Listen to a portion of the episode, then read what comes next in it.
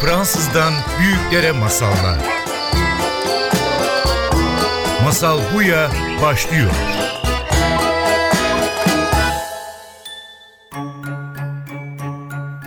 Masal Buya hoş geldiniz. Ben Judith Liberman ve bugünkü programımızda size Hint mitolojisinden uyarladığım bir masal anlatacağım. Ardında o masalı hakkında konuşmak için Sandra Sharhon konuğum olacak. Masal Buya'da Büyükleri Masal başlıyor.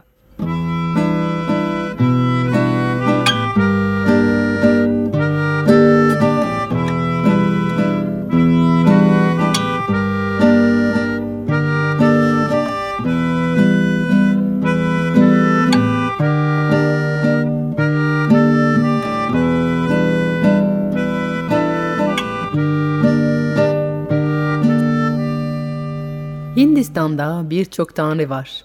Ama onların arasından üç tanesi dünya var ediyor. Brahman dünyayı hayal etti ve her şeyin başlangıcıdır. Vishnu dünyanın sürmesini devam etmesini sağlıyor. Ve Shiva yok edeni temizliyor ve yeniye yer açıyor. Zirvede olmak yalnız olmak derler. Tanrı olsan da. O nedenle belki de tanrıların rişileri var. Yani onlara müzik ve şiir söyleyen, onlara tapan müzisyenler. Vishnu'nun yanında Naranda var. Bir zamanlar ölümlü bu insan yaşam boyu müziğiyle Vishnu'ya çok büyük zevk verdi. Ve ona öyle adamdı ki Vishnu onu ölümsüzlükle ve birçok başka olağanüstü yeteneklerle ödüllendirdi. Naranda ve Vishnu iki eski dost gibi kah sohbet eder, kah tartışırlar ya da beraber uçarak yolculuk edip bir dağın zirvesine dinlenip Naranda'nın müziğine teslim olurlar. Günlerden bir gün Naranda dağda bir mağaranın ağzında oturup Vishnu'yu özleyip onu çağırmak için bir müzik bestelemeye başladı.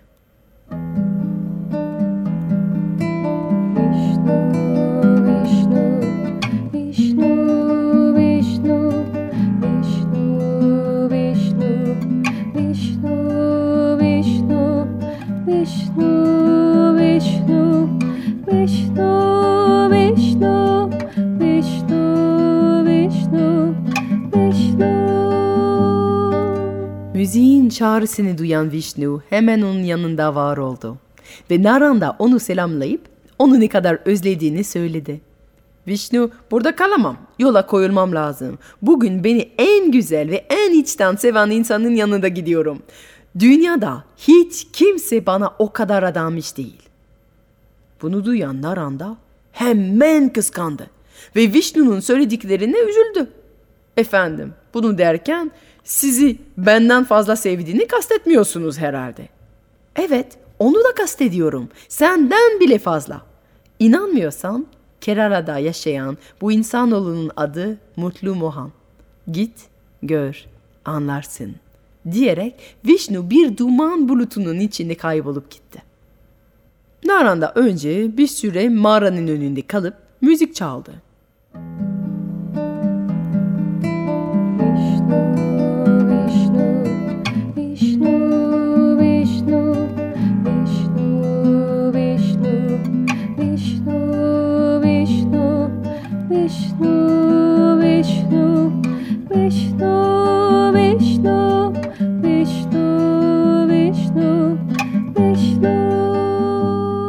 Vishnu'nun sözlerini unutmaya bir şaka yaptığını kendisini ikna etmeye çalıştı.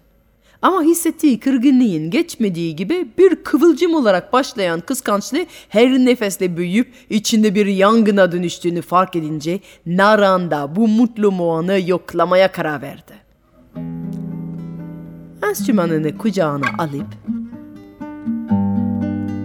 güneye doğru giden bir rüzgarın üstüne uzanıp onun akışına uçup aynı zamanda Vishnu'ya bestelediği şarkıyı söylemeye devam etti.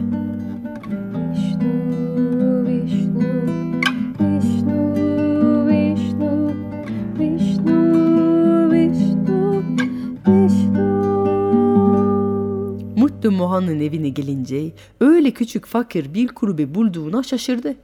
En azında bir prens ya da bir bilgeyle karşılaşmaya bekliyordu. Oysa ki önünde bulunan kulübe basit bir işçi evinden başka bir şey değildi. Naranda görünmez olup Mutlu Muhan'ın hayatını izlemeye karar verdi. Mutlu Muhan mutfakta yemek hazırlıyordu. Ve göz ucuyla okul ödevlerini yapan kızını seyrediyordu.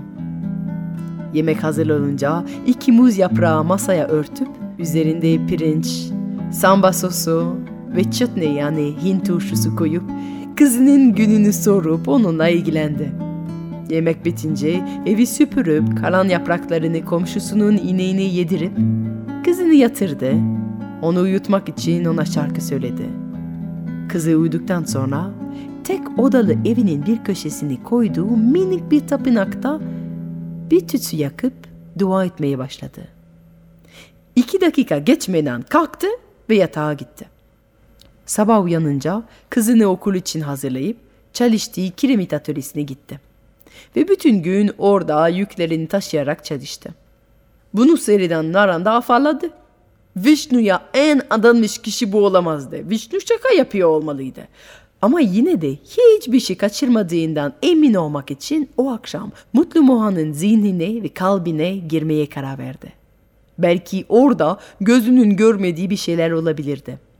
Akşam yine işleri bitince ve tek başına yetiştirdiği kızını yatırınca Mutlu Mohan tapınağın önünde eğildi. Ve o an Naranda dün fark etmediği bir şey gördü. Dua edince Mutlu Mohan zihnin ve kalbinin öyle açmış Vishnu'ya ki Vishnu ta kendisi kalbinde var oldu. O iki dakika eksiksiz, saf sevgiden ibaretti. O anda Mutlu Mohan'ın özü öyle saf olmuş ki onu hisseden Naranda'nın yanaklarında iki gözyaşı aktı.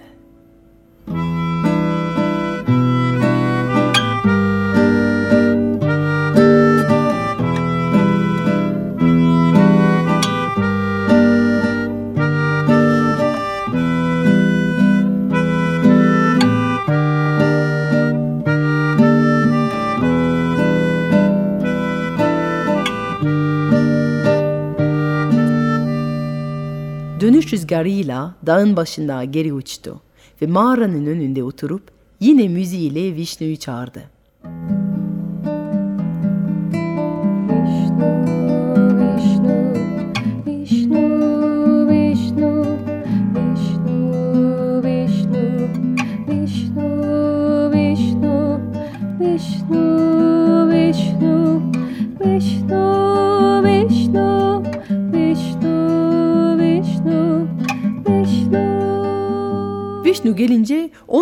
miza dolu bir gözle inceliyordu. Eh tanıştın mı Mutlu Mohan'la? Bana adanmışlığını gördün mü?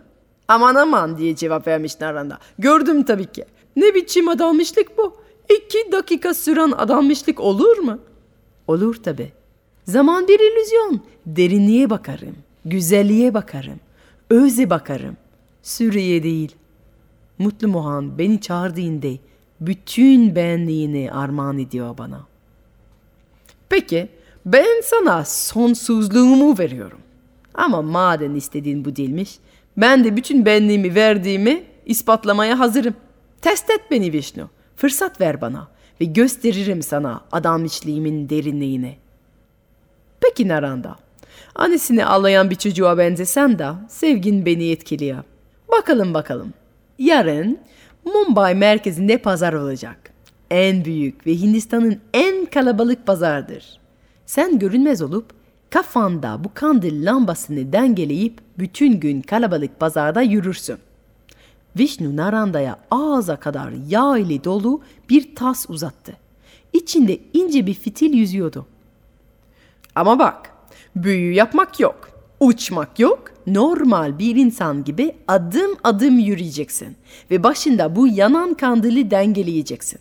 Bütün gün arkanda ölümün kılıcı seni takip eder. Bir yağ damlasını dökersen ya da mumu söndürürsen o an kılıç seni vurur ve sonsuz ışığın söner. Bunu yaparsan o zaman belki kendini mutlu Muhan'la kıyaslayabilirsin.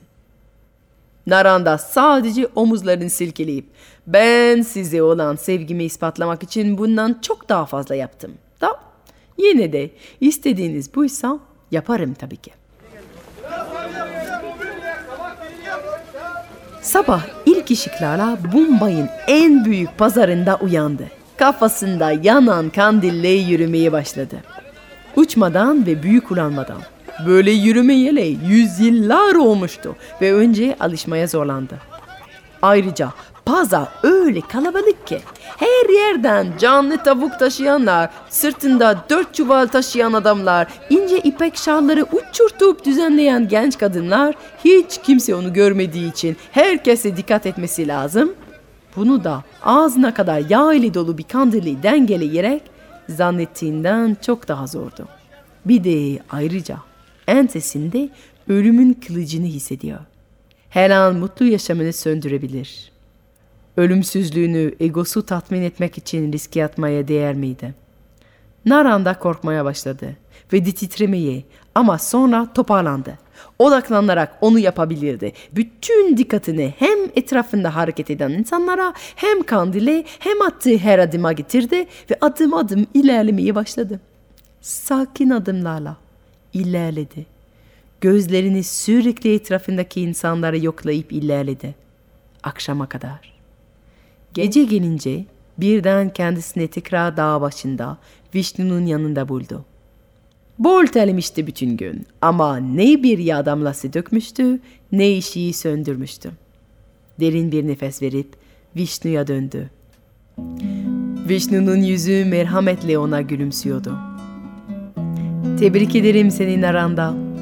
Ölümle savaştın. Korkunla savaştın. İnsanların arasında dimdik, hilesiz ilerledin ve odaklandın. Görevin eksiksiz yerine getirdin. Ama söyle bana, bu yoğun gününün ortasında kaç dakika boyunca bana dua ettin?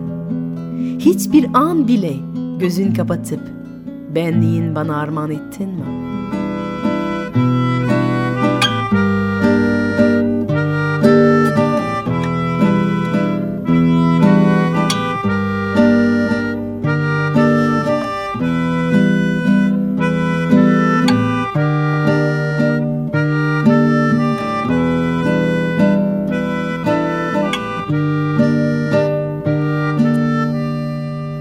Ya sen yolcu? Kalabalık günün ortasında durmaya izin veriyor musun kendine? Bir dakika olsa bile.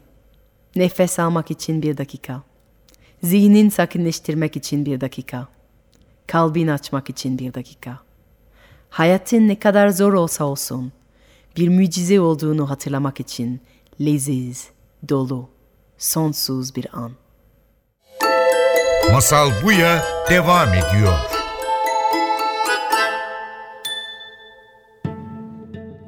Evet Masal Buya devam ediyor ve şimdi stüdyoda Sandra Sharon'la beraberiz. Sandra Sharon bir anne koçusun İnsana Güven Akademisi'nde ve annelerle farkındalık kullanarak zorlandıkların her konuda biraz harekete geçmelere yardım ediyorsun. Bir yol arkadaşlık yapıyorsun. Sandra hoş geldin. Hoş bulduk. Merhabalar. Ve seninle ilk önce bu şimdi demin bir masal dinledik hep beraber. Evet. Vishnu'nun Çok masalı. etkilendim. Yüreğine sağlık. Çok güzel bir masaldı. Ve bu masal hakkında konuşmak için biraz çağırdım. Çünkü bu masal bizi burada olmaya, fark etmeye çağıran bir masal. Ve zaten senin de işin bu. Annelerle beraber burada olmak, fark etmeye. Senin bu masaldan nasıl bir, bir yorum yaparsın? Sen ne duyuyorsun bu metinde? Öncelikle e, evet annelerle gerçekten genelde hep anda olmak, çocuklarıyla ve yaşadığı ilişkilerde daha anda kalarak daha mutlu ve huzurlu nasıl olabilir diye çalışıyoruz. Hikayeyi duyduğumda o iki dakika bana ne kadar vakit verdin Direkt bende zaten annelerle çocuklarla ilgili konuştuğumuzdaki diyaloglar geldi ve kafasında taşıdığı kandili birazcık bizim kafamızdaki düşüncelere benzettim. Çünkü... Aslında anne olmak biraz öyle mi acaba? Kalabalık bir pazarın ortasında kocaman yağ dolu bir tas, e, yanan bir tas dengeleyip ve bunu düşürmemeye çalışmak. Evet, tam denge dediğin gibi. Hatta birkaç kandil olabilir yan yana. Üst üste. Nedir bu annelerin taşıdığı kandiller Yani sence? Genelde şöyle aslında o düşünceler içinde e, negatif senaryolar işte içimizde ürettiğimiz farklı farklı mutsuz hissettiren, güven hissettiren negatif senaryolarımız da oluyor. Biraz daha güvenli hissettiğimiz mutlu senaryolar da yaratabiliyoruz. Biraz bizim elimizde. Ama genel anlamda özellikle ebeveyn olduktan sonra, anne olduktan sonra biraz daha korkularımız tetiklenebiliyor. Ve dediğin gibi o gelen annelerle çalışmaya başladığımda genelde kafalarında birçok soru işareti olabiliyor ve bu negatif senaryoların içinde kaybolabiliyorlar. Nedir bunlar? İşte bana bir şey olursa çocuğuma ne olur? İşte mutlu değiller. İşi bırakırsam işte çocuğumla ilgili masrafları nasıl öderiz? E, çocuğumun acaba ileride nasıl arkadaşları olacak? Nasıl bir okula vermeliyim? E, kendi hayatıyla ilgili kendime nasıl vakit ayırmalıyım gibi aslında hep gelecekle ilgili e, düşündüğü ya da geçmişten yaşadıklarıyla ilgili kaygılandığı aynı o kandil gibi birçok Evet. düşünceler içinde. bu kalabalık hayatın içinde yürürken aslında bu başımızda böyle yanan bir sürü fikir ve korkuları var, bir sürü düşünceleri var. Evet. Bu bizi nasıl etkiliyor? Ne yapabiliriz? Bu bizi şöyle etkiliyor. Aslında bu düşüncelerin içinde dediğim gibi çok fazla kaybolabiliyoruz. ve buradaki senaryolara göre içimizde hisler oluşmaya başlıyor. Çünkü bunların hepsi bizde bir algı yaratıyor. Ve algılarımız baktığında eğer negatif taraftaysa bizde olumsuz hisler yaratmaya başlıyor. Bu hissettiğimiz hislerden sonra tepki vermeye başlıyoruz. Aslında bütün algımız hisleri, hisler tepkileri, tepkilerde deneyimleri oluşturuyor. Ve anneler üzerinden yine gidersek kafalarındaki negatif algılar, bu kaygılar, korkular yüzünden içlerinde bir mutsuzluk, bir sıkışmışlık, kendine vakit ayıramamak gibi sorunlar yaşadıklarında bu tabii duygularına yansıyor ve çocuklarla olan tepkilerine yansıyor. Çünkü anda olamıyorlar. Aslında Evet. o Bunu çok duyuyoruz yani anne Evet. arkadaşlarım kendime verebilecek iki dakikam yok yani bırak Evet. aslında iki dakika merkezlenmek için iki dakika böyle Evet. nefes almak için ya sırf bazen saçını yıkayabilmek için iki dakika bulamıyor. Kesinlikle. Doğası gereği ilk başlarda evet belki doğum yaptıktan sonra ilk 2-3 ay böyle bir döneme giriliyor. Benim için de öyleydi. Çünkü alışma dönemi sürekli üstünüzde kokusunu hissetmesi gerekiyor bebeğin. Ee, evet gerçekten tuvalete girecek vakit bulamıyordum bırakamıyordum kimseye. Bu gerçekten yaşanan bir olay ama bu 3 ay sonrasında ya da 4 ay sonrasında her anneye göre değişebilir. Sürekli devamlı bir hale gelebiliyor. Çünkü genel anlamda tamamen sahiplenmek, tamamen korku kaygıların içinde kaybolmak gibi bir bakış açımız var anne olarak ve kendimizi unutuyoruz. Aslında bana geldiğinde anne ilk başta işte çocuklarımla böyle problemlerim var, eşimle böyle var, ilişkilerimle var, işimle var dediğimde önce bir kendine döndürüyorum aynayı. Ya Sen ne kadar bu düşüncelerin içinde kayboldun, ne kadar kendine vakit ayırabiliyorsun. Evet, sorumluluklarımız var, çok doğru. Hele hani bir çocuk, benim bir çocuğum var 4 yaşında. Gelen danışanlara diyorum ki hani bir çocuk başka ama hani iki çocuk, üç çocuk geldikçe tabii hayatta daha farklı dengeler yaratmaya da çalışıyorlar. Peki Zorlaş bu denge nasıl bulabiliyorlar? Yani çünkü bunlar gerçek gerçekten iki Evet. üç çocuk gerçekten yapılması gereken işler çok. Evet. Ee, bu kalabalık pazarın ortasında nasıl bu kafamızdaki dengelediğimiz bütün fikirlerden biraz kalba inebiliriz, biraz içimize dönebiliriz. dönebiliriz. Orada ben annelerle ilk başta tabii ki kendilerine aynayı çevirdikten sonra birkaç koldan çalışıyoruz ama en temelinde aslında hayatlarına nefesi nasıl katabilecekleriyle ilgili konuşuyoruz. Çünkü bizim dört tane beyin dalgamız var. Bunlar alfa, beta, teta ve delta. E, teta ve delta bizim uyku halindeyken olduğumuz beyin dalgaları. Alfa ve beta uyanıkken. Şimdi biraz evvel bahsettiğim senaryolar acaba nasıl bir okula gidecek, nasıl arkadaşları olacak, Bu nasıl bir endişeler yani. Bunların hepsi beta beyin dalgasında olduğumuz anlar. Yani hep ya geçmişteyiz ya gelecekteyiz. Hiç anda olamıyoruz. Kaygı dolu Kaygı zamanlarımızı. dolu. Ve aslında çocukların bizden tek bekledikleri şey anda onlarla o bağı kurabileceğimiz belki iki dakika belki beş dakika. Çünkü bazen anneler geliyor bir tüm gün birlikteyim her şeyimi ona verdim ama ne kadar o anda onunlasın. Çünkü çocuğun o anda tek ihtiyacı olduğu şey o. İşte o beta beyin dalgasındayken kendine vakit ayıramıyorken ve o negatif düşüncenin içindeyken ana gelmek kendini şifalamak mümkün değil. Alfa beyin dalgası aslında beyin dalgamızın düştüğü, daha huzurlu, daha dingin, daha kendimizi iyi hissettiğimiz bir beyin dalgası. Bu beyin dalgasında kaygılar yok, korkular yok, endişeler yok. İçeride parasempatik sinir sistemi çalışıyor ve mutluluk hormonları salgılamaya başlıyoruz. Ve daha kolay ana gelmeye başlıyoruz. Onun için ilk başta aslında hani ödev olarak ciddi ciddi çalışmaya başlıyoruz ve her gün 10 dakika sadece burundan alıp burundan nefes verdiği, yavaş yavaş dingin nefesler aldığı bir hal ile başlıyoruz. Sufi nefesi diyoruz buna. Ee, ve ilk onunla başlıyoruz. Hatta yaptığımız seanslarda da bununla ilgili çalışmalar yapıyoruz. Bunun üzerine tabii farklı farklı enerji çalışmaları da gelebiliyor. İlk nefesle ana gelip alfa beyin dalgasına geçtikten sonra birkaç hafta sonra daha çok anda kalmaya başlayabiliyor zaten. Onun üzerine de daha sonra farklı farklı şeyler yapmaya başlayabiliyoruz. Evet. Ee, Peki 10 gün boyunca bir anne çok kaygılı geliyor. Hiç zaman yok. Hı. Yani bu anne geldi. Evet. Sen de ona bu ödevi verdin. 10 evet. gün boyunca sufi nefes yaptı. Evet. Geri geldi sana. Fark görüyor musun? Kesinlikle. Zaten Nasıl kendi de. Şöyle şimdi her zaman hepsinde tabii aynı fark olmuyor. Kişiden kişiye çok değişiyor. Hatta gelip ya ben bunu yapamıyorum zorlanıyorum diyen olabiliyor. Hı hı. Orada zorlandığı nokta ne? İşte orada koçluk biraz devreye giriyor. Kalıplar nedir? Niye giremiyor? Niye zihnini bırakamıyor? Çünkü sol beyin bırakmıyor. Bende de ilk başlarda böyle şeyler yaşamıştım. Sol beyin sürekli devreye giriyor. Ya ne uy- diyor? Uykuya dalıyordum. Allah ha. diyor burada bir alfaya geçiş var. Alarm. Rahatlamaya başladı Sandra. diye sol beyin sürekli e, konuşuyordu ve konuşurken de kendimi bırakamıyordum ama bu gerçekten aynı spor yapmak gibi bir egzersiz yapmak gibi nasıl spor yaparken belli bir kas oluşturmak için belli bir vakit geçiyor. Burada da aynen annenin işte yol arkadaşlığı bu aslında benim yaptım. Hadi gel birlikte nasıl yapabilirsin başka bir yoldan gidelim. Hmm. Ya da farklı farklı anda kalma çalışmaları yaptırabiliyorum. Mesela beş duyusuna odaklamaya çalışıyorum. Bu Çünkü nasıl olur örneğin? Şöyle yani düşünceler kafamızda olduğu vakit beş duyumuzla olan hislerimiz azalmaya başlıyor. Mesela diyorum ki gün içinde bir anda bir yerde dur, işte bile olsan beş duyuna odaklan. Kapatabiliyorsan gözlerini kapat. O anda ne kokluyorsun, ne ses duyuyorsun. Çünkü sese odaklan. O kadar düşünceler ve yoğunluğun içindeyiz ki bir anda ana gel. Çünkü bütün olay beyne o anda gelmeyi deneyimletmek ve alıştırmak.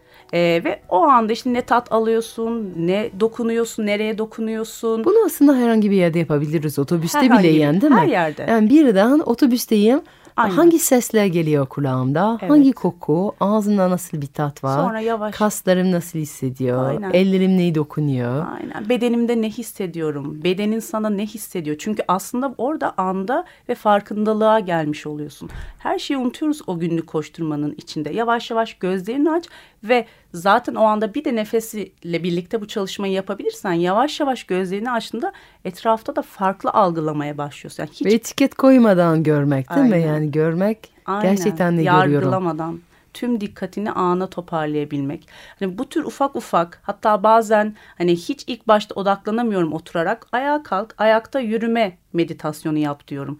Yürü ve yavaş yavaş nefesler al. Yürüyüşüne bak, ayaklarına bak. Yani aslında olay biraz yavaş yavaş zihni durdurmak değil ama yavaşlatıp beyin dalgasını düşürebilmek. Evet çok güzel bir söz var. Dünyayı öpercesine yürü. Yürü.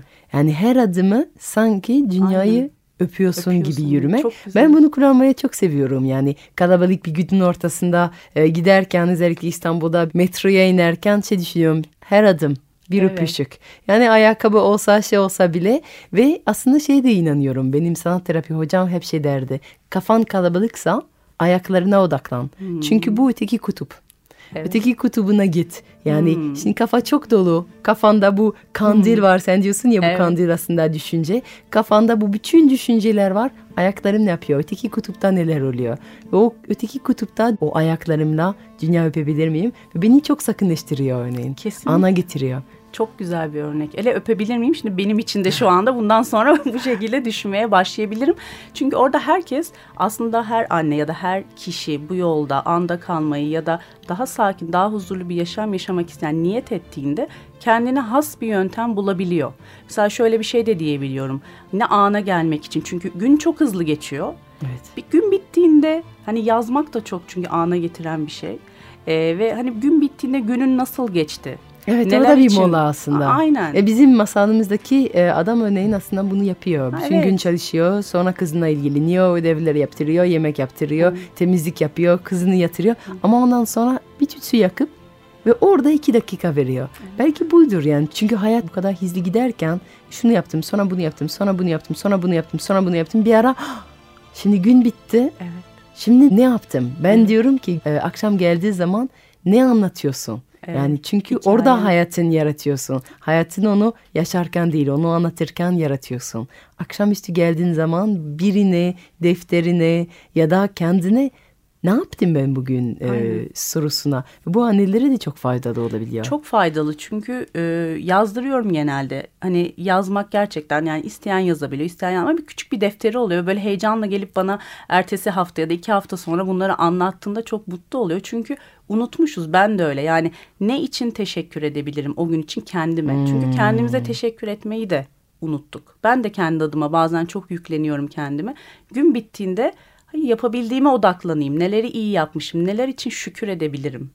Çok güzel. So, akşamüstü önce kendime ne için teşekkür, Teşekkür ediyorum. edebilirim. Sonra hayatımda neye şükrediyorum. Evet. Başka ne Bir yazdırıyorsun? de şunu yapıyorum. O gün için sinirlendiysen eğer bir şey birilerine bir dön bak ona. Niçin sinirlendin? Bu senin hangi değerine dokundu? İçeride çünkü baktığında aslında karşımızdaki kişiden çok o bizim içimizde bir değere dokunduğu için sinirleniyoruz ona.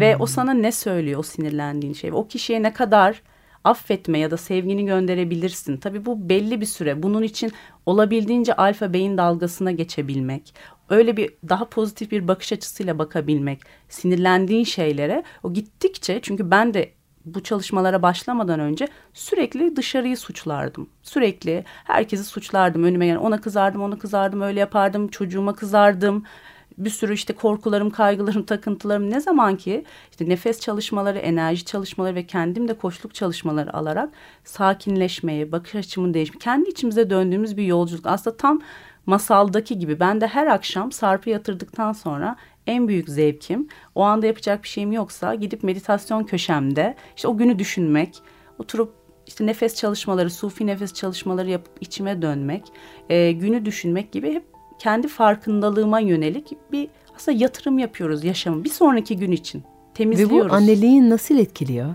Bu anneliğimi gerçekten e, 4 sene içindeki gelişimime bakıyorum. 4 yaşında şu anda Sarp. İlk bir sene daha hiç bu çalışmalara girmeden önce her şeyi çok fazla kaygıda ve korkuda olunca hiç anda değilmişim. E, anda olmadığımı fark ettim. Şimdi anda kaldıkça, yavaşladıkça Sarp'la olan bağımın ne kadar güçlendiğini. Çünkü onu daha gözlerinin içine bakarak dinlemeye başlıyorum. Mesela eğitimlerde e, biz etkin dinlemeyi, odaklanarak dinlemeyi ailelere aktarırız. Şimdi kafada düşünce varsa odaklanarak dinlemek mümkün değil çocuğu. Çocukların özellikle ilk 6 yıl tek istedikleri genel anlamda bütün yaşamları boyunca ama ilk beyin gelişirken tamamen anlaşılmak ve görülmek anne tarafından. Ben Sarp'ın yanındayken eğer kafamda düşünceler varsa o anda değilsem Sarp bunu çok iyi anlıyor ve kafamı çeviriyor böyle. Anne bana bak diye. Çok iyi anlıyorlar. Biz o anda gerçekten onunla mıyız? Yoksa biz başka yerlerde kaybolmuşuz. Tamam kaybolmamız mümkün. Her an odaklanamayabiliriz. Ama işte o iki dakika Evet Ne o iki kadar dakika. o- Bir de çocuklar çok anda. O anlamında Evet. bize ne öğretebiliyorlar aslında? Çünkü burada fark etmeyi, hayatımızda fark etmeyi, hayatımızda e, merkezlenmekten bahsederken aslında hem çocuklarımız için çok önemli hem de çocuklarımızın zaten yaptığı, usta olduğu alanı değil mi? kesinlikle Ne öğretiyor? Çok şey öğretiyor. Benim Sarp'tan o kadar çok şey. Zaten hep şey diyorum. Çocuklar hediyeleriyle geliyorlar. Yani bize o kadar çok şey öğretiyorlar ki ayna gibiler. Korktuğumuz kaygılarımız onun için birazcık tetikleniyor zaten. Ve ben Sarp'tan ilk öğrendiğim şey anda kalmak. Hep onu diyorum. Anlatıyorum da bazen yazılarımda. Ee, o kadar çok hazırlanmıştım ki ben Sarp gelmeden önce. Mükemmelliyetçiliğim vardı çünkü. İşte bütün kitapları okudum, kurslara gittim. Ne varsa yapılması gereken yaptım ama Sarp bir geldi hiç beklemediğim olaylar yaşadık. İşte emzirmeyle ilgili farklı farklı zorlandığımız konular yaşadık. Yani o anda tamamen anda kalıp annelik üçgüdümle hareket etmeyi ve Sarp yavaş yavaş büyüdükçe de onun ne kadar anda olduğunu gördükçe kendimi de bir nevi aslında dengeye getiriyorum. Ben de ne kadar anda olmam gerektiğini görüyorum. Çünkü çocuklar gerçekten... Kitaptaki çocuk değildi aslında değil mi? Evet aynen. Kitapta anlatılan çocuk değildi. Hepsi farklı. Ben hep annelere de onu söylüyorum. Bir yöntem yok. Herkesin annelik yetiştirme şekli çünkü çocuklar çok farklı. Hele yeni nesil çocuklar çok farklı. Enerjileri çok yüksek, odaklanmaları çok yüksek, telepatikler yani gerçekten hepsiyle farklı iletişim kurabiliriz. Ama özünde hepsinin beklediği şey aslında gerçekten anda kalarak anlaşılmak ve görülmek ve dinlenmek. Bir sorunu olduğunda yansıtma yöntemiyle duygularını yansıtabilmek. Mesela iki yaş sendromu denir. Hani hmm. herkes korkutur. Allah iki yaş sendromu e, işte trouble two İngilizcesi derler felaket. Herkes senaryolar çizer. Evet çünkü çocuk bireyselleşiyor aslında çok güzel bir şey. Hayır demeyi öğreniyor. Ne kadar güzel. Ay, Şu evet. anda e, hayır diyemeyen kişilerle de çalışıyorum. Aslında hayır ve sınırını çizmek ne kadar önemli. Evet. Şimdi iki yaş sendromu. Onu iki yaşında yapamıyorsa o zaman e, 30 yaşında yapmaya hala çalış, öğrenmeyi hala çalışır değil mi? Çalışır aynen. Yani bir sürü etkisi olabilir ama mesela Sarp'la ben çok daha rahat atlattım. Çünkü o kadar anda ve olabildiğince e, etkin dinleyerek duygularını yansıttım ki anlaşıldığını hissettiği anda sakinleşti. Çünkü o anda özellikle iki yaşta sonra yavaş yavaş dört yaşta tek istediği anneyle babayla o bağı kurabilmek. Nasıl anlaşıldığını hissettirebiliyorsun ki ona? Şöyle olabiliyor mesela iki yaşında Sarp küçükken diyelim ki bir anda sinirleniyordu. Oyuncağı fırlatıyordu. Diyelim misafir var fark ediyorum o anda. Çünkü empati kurabilmek çok önemli. Yani oyuncağı fırlatıyor. Oğlum kaç kere dedim fırlatma şu oyuncağı dediğin anda daha çok fırlatıyor, daha çok sinirleniyor. Ama o anda aslında onun fırlatmasının nedeni misafirlerle bir saattir oturuyorum ve onunla hiç ilgilenmiyorum. Ve bana bak diyor orada. Gidiyorum yanına diyorum ki gözlerinin içine bakarak. Oğlum şu anda seninle ilgilenmemi istiyorsun anlıyorum seni. Ama bak misafirler birazdan gidecek. Sonra geleceğim yanına birlikte oynayalım. Ya da o anda bana bir şey söylemek istiyorsun. Ha bu oyuncağı göstermek istiyorsun. Anlıyorum şu anda seni deyip aslında daha yani bebeklikten itibaren hep duygularını dinleyerek yansıttıkça çocuk da anlaşıldığını hissediyor. Bu Bana ne diyor ve duyduğumu ona yansıtmak, yansıtmak. tekrarlamak yani Aynen. ona doğru. Evet. Yani mesela ilerledikçe yaş işte geldi size dedi ki e, çok yakın bir arkadaşı Ayşe taşınıyor. Çok hmm. yakın. E ne olacak kızım? Yeni arkadaş bulursun. Genelde böyle biz eğitimlerde bunlara iletişim engelleri diyoruz. İşte tehdit etme, geçiştirme, yok sayma. İşte bu tür iletişim kalıplarıyla gittiğimizde fark etmeden kelimelerin gücü de çok büyük çünkü.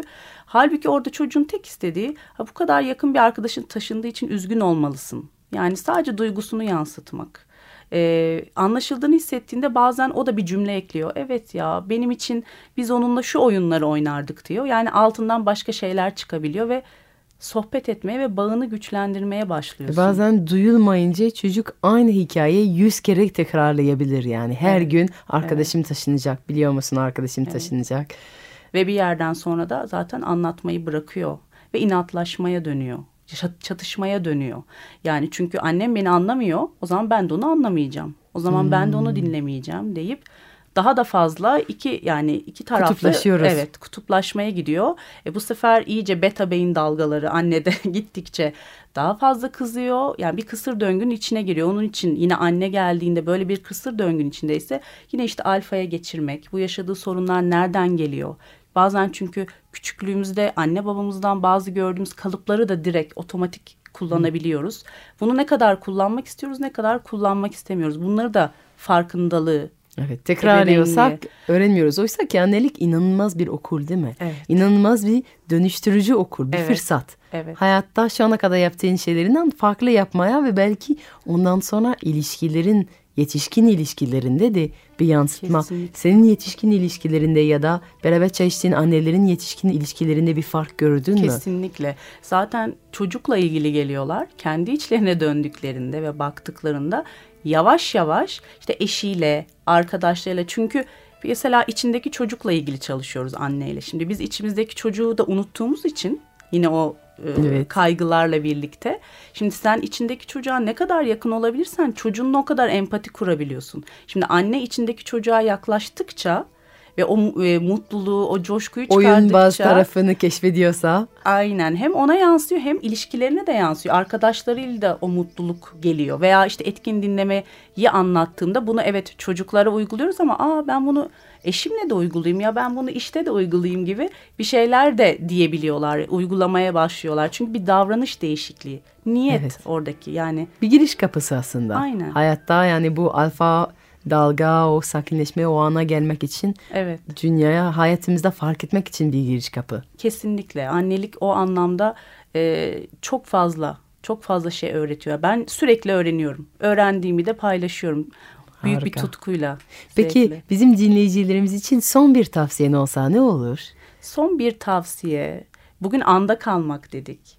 Ne yapabilirler? Bu kadar hani bu anlattıklarımızın arasında onlara uygun ne olabilir? Çünkü benim annelerle hep gördüğüm biz kendi içimizde mutlu, dengeli, huzurlu oldukça bu içimizdeki enerji çocuğa yansıyor. Bütün ilişkilerimize yansıyor. Hani bunu yapabilmek için bugün bir adım atsalar ne yapmak isterler? Nefesimi katmak isterler, yazıyı katmak isterler, beş duyumu katmak isterler. Yani birazcık bizim elimizde gerçekten e, hayatın o anlamda elimize almak için ne yapabiliriz diye bir düşünmek. Evet. Bizi çok güzel üç tane araç verdin. Diyorsun ki bugün en azından onlardan biri al, uygula. Anne, baba ya da herhangi biri için Evet. aslında bunlar çok faydalı. Kesinlikle herkes için. herkes Sandra, için. bunları paylaştığın için çok teşekkür ederim. Geldiğin için çok teşekkür ederim. Ben de çok teşekkür ediyorum. Çok keyifliydi.